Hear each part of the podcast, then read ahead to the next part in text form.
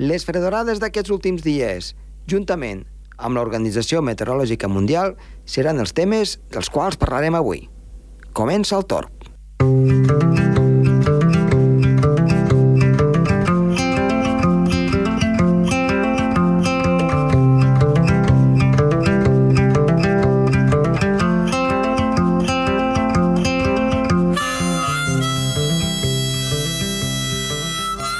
Ha fet molt fred aquests darrers dies, amb temperatures fins i tot extremes per un mes de març, amb ventades i mínimes molt per sota dels 20 graus sota zero a l'alta muntanya, un fet doncs poc usual.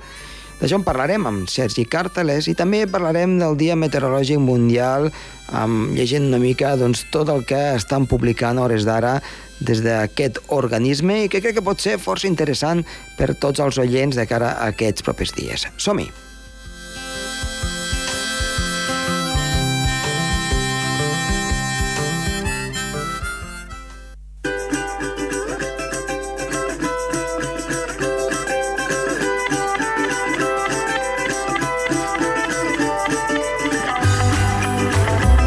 Comencem doncs, el programa avui parlant, com no, del fred que ha estat fent al llarg de tots aquests dies, un fred que ha afectat no tan sols al Pirineu, sinó també a d'altres zones. I això ho comentem, en aquest cas, amb Sergi Càrceles. Sergi, molt bona tarda. Hola, molt bona tarda. Doncs eh, com has anat patint aquest fred? Doncs bé, eh, el fred aquest podríem dir que ens està recordant, no? La natura ens està recordant que encara estem o encara hem estat a, a l'hivern, als últims dies d'hivern, i, i bé, la veritat és que ha fet molt de fred un altre cop. Estem recordant eh, temperatures molt semblants de les nevades que van passar fa dues o tres setmanes, i bé, desgraciadament, doncs, com tu deies, mm -hmm. està comportant doncs, molts incidents a Europa, sobretot al centre d'Europa, no?, que és la zona on més pateixen aquestes baixades de temperatura contínues i aquestes nevades tan importants. Sí, sí, eh, i no és la primera de, de diguem-ne, la temporada aquesta d'hivern. No, no, a part, clar, estàvem dient no, que hi havia la bèstia de l'est, la vam uh -huh. comentar, sí, tant. que era, era una massa d'aire molt freda que va fer-nos baixar les temperatures doncs, eh, en el centre d'Europa, no? amb valors de menys 15 graus, una, una bestialitat, i bé, aquesta no s'ha quedat enrere i és que hem tingut com la germana no, de, de la sí. bèstia de l'est, uh mhm. -huh. a part, juntament amb una borrasca, una borrasca molt intensa que sobretot ha afectat a les illes britàniques, que s'ha anomenat tempesta Eva, i clar, si juntem unes temperatures molt baixes amb una borrasca molt intensa que ha portat moltes precipitacions, doncs clar, ho hem de traduir amb moltíssima neu i moltíssimes afectacions que, bé, han afectat Europa, i anem a comentar algunes d'elles. Per exemple, la més important, no?, i la, bé, la que dona més llàstima, és que hi ha hagut eh, 20 morts, 20 morts que, que, que han estat sobretot eh, afectats a Polònia, i és que en el país de Polònia, eh, d'aquests 20, 15 han estat en aquell país, i sobretot doncs, ha estat a causa doncs, d'aquest doncs, fred tan hivernal, no? Mm gent que està tenint moltíssimes afectacions amb el tema de l'electricitat, i és que s'han quedat sense corrent elèctrica, llavors, clar, la calefacció és molt difícil, a part estem parlant de gent també doncs, que mm, té uns recursos eh, escassos, no?, i no es pot calentar, però després, bé, també hem tingut altres morts eh, repartits per, per Europa per aquest tema del fred, i un país que ha quedat molt afectat, i ara explicarem el per què, ha estat el Regne Unit i és que han tingut, sobretot, el més destacable és que, clar, tenien molt de vent, un vent que a part era molt fred, o sigui, la sensació de fred era molt gran, de menys 20 graus, la sensació de fred, i a part, doncs, eh, juntament amb aquesta tempesta Eva, no, doncs, que ha portat nevades molt intenses, molt fortes, i és una tempesta una mica especial, perquè els vents o les, les tempestes o pluges més importants, no, normalment al, al Regne Unit venen del nord, i aquest cop no. I és que aquest cop els vents han vingut de l'est, estem parlant d'una massa d'aire molt més seca, i per tant molt més freda, estem parlant seca en superfície, en altura és una altra cosa, no? I clar, el que ha portat doncs, és que hi haguessin moltíssimes eh, nevades molt intenses amb un fred encara més, fred, eh, més fred, no? més intens de, del normal. Fixa't si ho estan passant malament al Regne Unit, que fins i tot l'exèrcit ha hagut d'actuar per ajudar a tota aquesta gent que s'ha quedat doncs, estancada a la carretera, i és que no es podien moure. M Més que res, eh, si recordem l'episodi de la primera nevada que va haver així aquest any intensa a Espanya, que va haver molta gent eh, atrapada, no?, per la zona de Segovia, per la, per la comarca de... per la comunitat autònoma de- d'Aragó, etc no?, que es van quedar estancats durant diverses hores a la carretera, doncs ha passat el mateix al Regne Unit i en aquest cas doncs, l'exèrcit ha hagut d'intervenir. A part d'això, una altra cosa, sí, sí, una altra cosa que hem de destacar, per últim, és que, eh, evidentment, el que queda sempre més afectat amb aquestes gelades i aquestes nevades és el trànsit d'avions. I és que bé, ha hagut la cancel·lació de més de 1.000 avions, de més de 1.000 vols eh, distribuïts per tota Europa, perquè, clar, era impossible eh, poder despegar i aterrar en condicions, amb seguretat, en la gran majoria d'aeroports europeus, parlem del centre. I és que els països al sud, doncs, eh, s'han quedat una miqueta més resguardats. Sí que és veritat que, per exemple, aquí a Andorra hem tingut doncs, nevades bastant importants. Mm, especialment de... a, a, a, a l'alta muntanya, especialment, i, i molt de vent. Sí, sí, sobretot molt de vent, això, i clar, això en el tema dels avions també dificulta molt les coses, no? A Espanya també hi ha hagut eh, nevades, a, a la franja nord, a, a Catalunya hi ha hagut nevades, a la costa ha costat, eh, per exemple, a la Serra de Collserola, Sant Farinat, han caigut 12 centímetres, una cosa que és bastant destacable. Per exemple, en el Tibidabo han caigut 12 centímetres de neu, un valor que feia moltíssims anys que, que no passava. Eh, després també altres zones del nord, com per exemple Cantàbria, Aragó, Vizcaya... Bé, les zones del nord d'Espanya doncs, quedat també enfarinades. En canvi, la part del sud, Andalusia, Múrcia, etc, allà doncs, el fred no ha arribat. No ha arribat tan intensament, però bé, era el que destacàvem, no? que sobretot els països del, del centre d'Europa i del nord, evidentment, doncs han patit aquesta gran onada de fred de moment esperem que sigui l última d'aquest any. I és que ara ja estem amb la primavera i en principi doncs, eh, la primavera ja han de començar a pujar les temperatures. Parlarem encara de pluges, això sí, i algunes nevades en els Pirineus, però eh, de moment eh, esperem que no hi hagi més afectacions Mm, sí, de, tot, de nevades. tot, tot dependrà de, de que, del que acabi passant a, al, a- al Pol Nord, no? Aquests desallotjaments d'aire d'aire tan fred, aquestes pujades de temperatura de, estratosfèriques de, fins a, a 50 graus. Recordem que a l'estratosfera les temperatures arriben doncs, als 80 graus sota zero i ara han pujat de cop i volta d'aquests 80 negatius als 30 negatius i això fa doncs, que l'aire fred que està en superfície eh, es desplaci cap a latituds més baixes. D'aquí aquestes onades d'aire fred que hem tingut tant a la zona europea com també a la zona americana. Però jo diria una cosa, eh, que vam parlar la setmana passada de, de com seria la primavera, recordes? Que seria normal. Sí. Mm, clar, eh, pensa, a vegades quan diuen que és normal, dintre de la normalitat també tenim fredorades a la primavera, que no hi hagi alguna sorpresa encara eh, al mes d'abril. Clar, quan parlem de mitjanes, no? O, o Clar. parlem, de, parlem de mitjanes de 3 mesos, evidentment hi ha extrems, no? És, és molt, eh? Típica campana de Gauss, eh?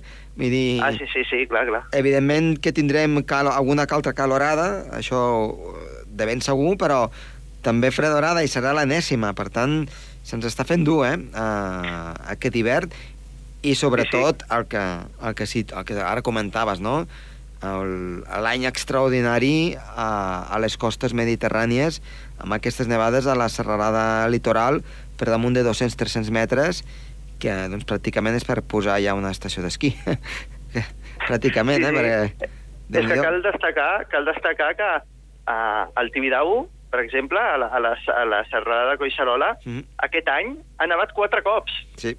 Això és una cosa que, és que feia dècades que no Mm. passava. Mm. La, la veritat, jo, per exemple, clar, tinc, jo ara tinc 26 anys, jo no recordo mai uh, uh, ni, una, ni, ni un dia, o, per exemple, un, un any que n'hagués dos cops a, a, a Barcelona. Mhm. I, i ha passat. Per això, o sigui, són, són, um, aquest any la, realment promet. meteorològicament promet, perquè es veu que s'estan superant rècords de tot tipus. Fa uns mesos també vam tenir el primer huracà, no? Sí, sí. Aquí, aquí a, a Europa. Sigui, imagina't el que, el que ens espera aquest any. Eh, de fet, a veure, eh, també el clima mediterrani té, és extremista, no? Um, es podem, poden haver onades de calor com onades de fred i per tant ma, mai té una regularitat com hi ha en altres zones eh, del planeta que són més, més constants i clar, doncs estem en, en, en zones d'extrems i ara doncs, ha, ha tocat aquest extrem eh, aquest extrem fred. Però perquè ens fem una idea, imaginem, doncs, ara fa un parell, eh, uns 200 anys, quan encara hi havia la petita edat del gel, que això no vol dir que sempre eh, hi fes molt fred, però el fred era molt més habitual en zones obagues de la serrada litoral, cara nord, la neu potser aguantava eh, un mes ben bé, eh? Eh, Déu-n'hi-do. en zones elevades, encara, encara que no us sembli d'aquí que mm, suposo que també ho hauràs sentit o escoltat en literatura, els pous de gel, que al cap i la Sí. eren, eren zones on, on aquestes temperatures baixes es mantenien durant tot l'any gràcies a que, a que es feien aquests pous sota terra. I, i són precisament d'aquesta època i en zones com la cara nord de, de la serrada litoral tam, també s'hi donaven. Doncs Sergi, eh, Déu-n'hi-do el divertits que hem estat aquests últims dies, encara amb força fred, i, i a veure què és el que acaba passant. A l'espera d'aquesta borrasca, a veure, entre, entre, entre demà, demà passat, entre divendres i dissabte, a veure què és el que acaba portant. Sergi, A l'expectativa. a l'expectativa. Moltíssimes gràcies i t'esperem a la setmana vinent. Molt bé, gràcies, vagi bé. Adéu-siau.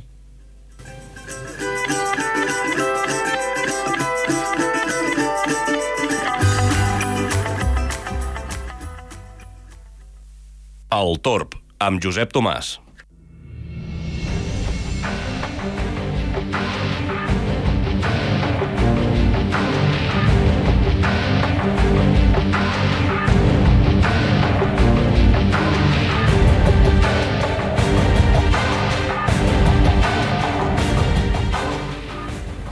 Al llarg de demà hi haurà una situació important a tot el que és el món, i és que, de fet, el, el, que, el que podrem celebrar serà el Dia Mundial de la Meteorologia.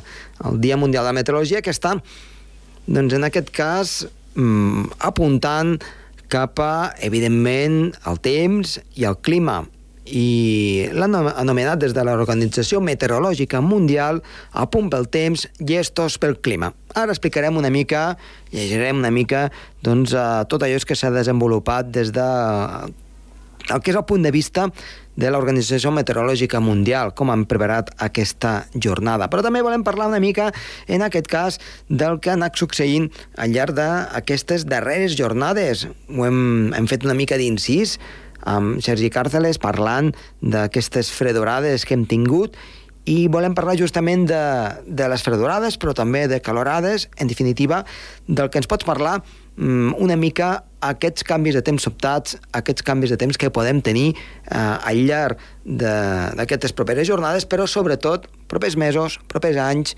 que és el que ens depara el clima del futur. I és que, de fet, el que eh, això no pot negar ningú és que les temperatures al llarg d'aquests darrers anys han anat pujant poc o molt a tot el planeta. I això es té constància gràcies a les mesures que es fan tant des del mar, tant des de la Terra i també des de satèl·lit, amb les mesures des de l'espai. Tot això ens porta a parlar d'un augment de la temperatura global del planeta i, per tant, la situació anat empitjorant. Poquet, però anat empitjorant. El clima podríem parlar que és com una campana de Gauss. És una campana on en els seus extrems eh, hi tindríem les calorades i les fredorades, les onades de calor i les onades de fred.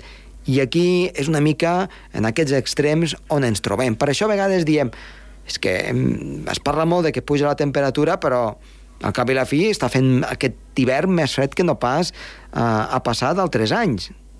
Doncs tot això es deu, si més no, al llarg del temps ho anirem investigant i el temps acabarà donant la raó a que des del Pol Nord l'aire fred ja no hi arriba tant com hi arribava tants, o no es forma tant aire fred com teníem abans.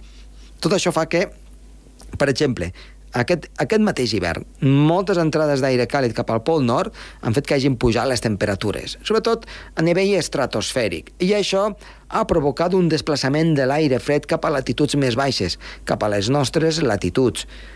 Juntament amb l'aire humit de l'Atlàntic del Mediterrani, ha provocat nevades a lloc poc usuals i fredorades fins i tot no fora d'època, perquè doncs, a l'hivern ha fet el fred que tocava fins i tot una mica més, però sí que s'estigui allargant una mica en el que és la primavera. I sembla, doncs, o semblaria, que aquests fenòmens, que ara estem veient com una mica doncs, extraordinaris, es podien anar repetint més en el temps, tant en quant a onades de fred com també en quant a onades de calor. Aquí es trobarien amb aquests extrems de la campana de Gauss. Així doncs, eh, aquestes situacions que ara mateix estem vivint es tornaran a repetir. I també es poden tornar a repetir des del punt de vista d'onades de calor. Onades de calor que poden començar ja al mes de maig i no acabar fins al mes d'octubre. Hem tingut a vegades temperatures al mes d'octubre que parlaven prop dels 30 graus aquí al Pirineu. No cal dir que fora del Pirineu pujaven per damunt dels 30 graus. Aquest seria un dels extrems del quals estem parlant. També si ens anem cap al centre i cap al nord d'Europa, temperatures al setembre-octubre al voltant dels 30 graus eh, són poc usuals. I això impliquen una sèrie doncs, de canvis des del punt de vista de la natura a la, a la qual doncs, a poc a poc s'ha d'anar adaptant, perquè si només passa un any cada, cada, cada decenni no passa res, però si això es va repetint dos, tres vegades cada 10 anys, la naturalesa té memòria i, per tant, eh, la configuració de la vegetació. Els animals que viuen a la natura van canviant, es van adaptant o fins i tot van migrant a latituds on aquestes situacions siguin més adients al seu estil de vida. Això es pot veure, per exemple, en, en moltes zones, especialment del sud d'Europa, on abans eren una mica més humides i ara estan sent cada cop més seques, cada cop hi plou menys i, per tant, la vegetació i els animals o canvien o s'adapten o van migrant cap a zones on hi ha més humitat o fins i tot a vegades queden aïllades en, en poblacions en àrees d'alta muntanya. Una, una situació que ens porta a parlar d'aquests extrems, evidentment, de les estacions d'esquí d'aquí del país, si es podran adaptar a aquests canvis al llarg dels propers temps.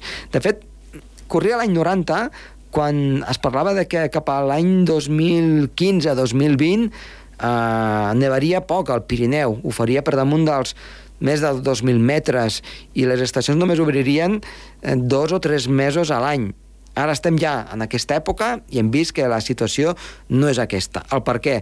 Doncs simplement perquè els models meteorològics d'aleshores no eren prou bons i les computadores tampoc eren prou bones i vam quedar molt lluny d'aquestes prediccions. Sí que en una part s'ha complert perquè continua fent una mica més de calor de la que no pas feia, i sí que la cota de neu ha pujat una mica eh, més de, del que ho feia, per exemple, cap als anys 70, 80, 90. Malgrat tot, eh, aquestes nevades a cotes baixes estan assegurades, com hem vist, al llarg d'aquest any i també al llarg d'aquests propers anys. Per tant, aquestes projeccions a més llarg termini moltes vegades no són certes, però sí que indiquen una mica cap a on anem i quina ha de ser la situació en els propers anys ens indiquen que cap a l'any 2040, 2050, potser la temperatura haurà pujat dos graus a nivell global i això sí que faria doncs, que aquestes nevades estiguessin per damunt dels 2.000 metres. Nosaltres pensem veritablement que això no passarà, però sí que podrà anar pujant una mica la temperatura eh, justament per culpa nostra i també per culpa eh, en part de,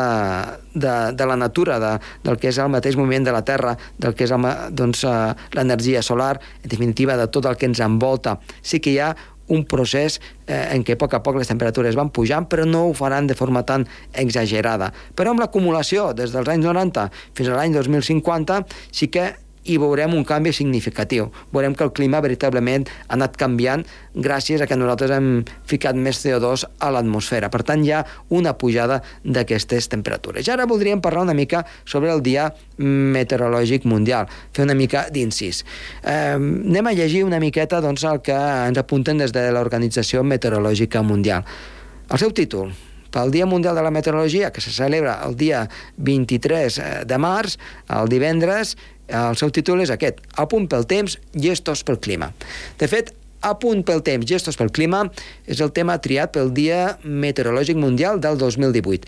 Si ens afegim a l'eslògan responsables amb l'aigua, completem el cercle dels elements fonamentals que, impul que impulsen el desenvolupament sostenible. El temps, el clima i l'aigua són vitals pel benestar, la salut i la seguretat alimentària de la població. Això és un fet. Però també poden ser destructius. Els fenòmens meteorològics d'efectes devastadors, com ara, per exemple, els ciclons tropicals, les pluges fortes i virulentes, les onades de calor, les sequeres, les tempestes d'hivern o les temperatures molt per sota del punt de congelació han arrabassat vides i eliminat mitjans de subsistència, subsistència al llarg del temps. Això és ben cert i aquest any ho hem vist amb aquestes persones que han mort eh, en moltes zones de centre Europa degut a les baixes temperatures. Avui dia, el canvi climàtic provoca un increment de la intensitat i freqüència d'algun d'aquests fenòmens. És el que parlàvem doncs ara fa justament eh, uns minutets d'això de la campana de, de Gauss, d'aquests extrems, aquests extrems, tant eh, pel que fa a precipitacions en forma de neu fortes, precipitacions fortes eh, en forma de pluja, onades de fred i per l'altre costat sequeres eh, interminables i també onades de calor. Són aquests extrems dintre d'un clima eh, més o menys càlid que anirà augmentant la temperatura, però atenció amb aquests extrems que es poden aguditzar i això fer doncs, que tingui una incidència eh, molt forta eh, a tot el que és eh, el nostre territori. Potser el Pirineu una mica menys, però sí al territori del voltant. L'any 2018 mm, doncs va començar, o ha començat com es va acabar el 2017, és a dir, amb fenòmens meteorològics extrems, que s'han cobrat vides i destruït com dèiem, molts mitjans de subsistència. La temporada d'huracans de l'any 2017 va ser la més costosa, en aquest cas, eh, que mai eh, han tingut als Estats Units d'Amèrica i va dedicar desenes eh, d'assoliments obtinguts en el desenvolupament, en aquest cas, de les petites illes del Carib moltes coses que ja se tenien eh, doncs, adaptades a la vida de les illes del Carib, moltes coses que s'havien avançat han quedat totalment destruïdes, com ara, per exemple, a l'illa de, de la Dominica, que va quedar totalment destruïda. Les inundacions també van provocar, en aquest cas, el desarrelament de milions de persones en el subcontinent asiàtic, per tant, a la zona de la Índia, mentre que la sequera ha estat exacerbant i el fet d'augmentar també la pobresa i la migració en tot el que és la banya d'Àfrica, tot, tot el que és la zona de Somàlia. Atenció, ens hem de preparar doncs, pels aquests fenòmens meteorològics eh, i climàtics i també hidrològics extrems. Hem d'estar preparats. Com ens podem preparar per a aquests fenòmens? Doncs d'una manera eh, molt ràpida, amb alertes, amb sistemes d'alertes que estiguin coordinats i que arribin eh, molt ràpidament a la població. El primer pas, eh, un dels primers passos, si més no, seria augmentar la resiliència davant els fenòmens meteorològics i climàtics extrems. Això consisteix a establir una sòlida xarxa d'observacions relatives a la Terra, a l'aire, al mar, així també com a l'espai, per proporcionar les dades necessàries en suport de les prediccions i les alertes primerenques dels fenòmens meteorològics i climàtics extrems. Per tant, molt important això, eh? L'observació meteorològica.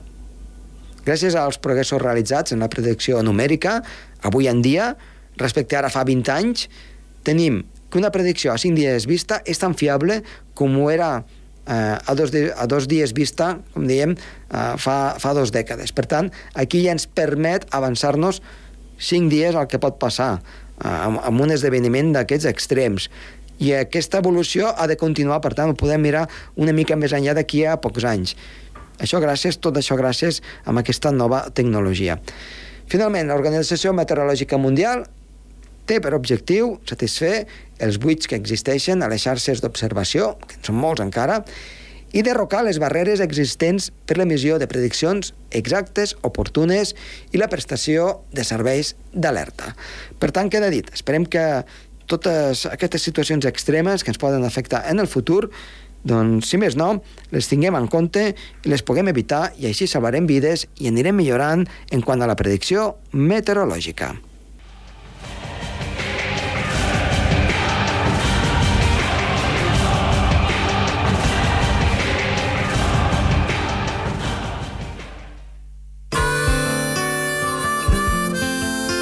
El Torb, amb Josep Tomàs.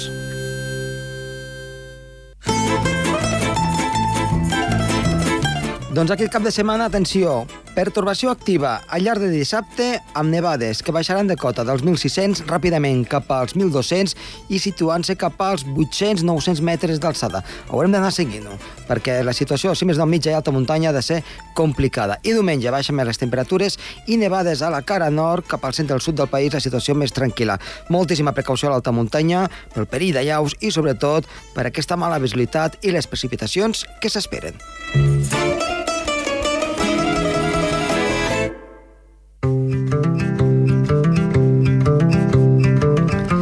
Doncs fins aquí el programa d'avui. Esperem que els hagi agradat estar de les vis de so. Toni Escuri, que els ha parlat amb molt de gust. Josep Tomàs, adeu-siau.